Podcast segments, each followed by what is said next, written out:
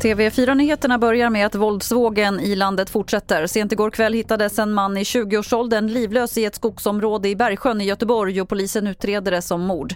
I Nyköping larmades polisen till en villa där något exploderat under natten och i Haninge söder om Stockholm besköts en lägenhetsdörr men ingen kom till skada.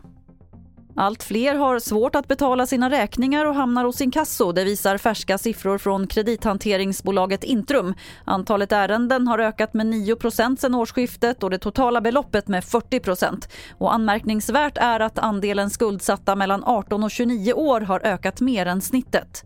De brukar inte stå för så mycket inkassoärenden men nu ökar både antalet ärenden och belopp ordentligt. Och det här är en grupp som kommer få ganska tufft med återbetalning om man väl hamnar i bekymmer.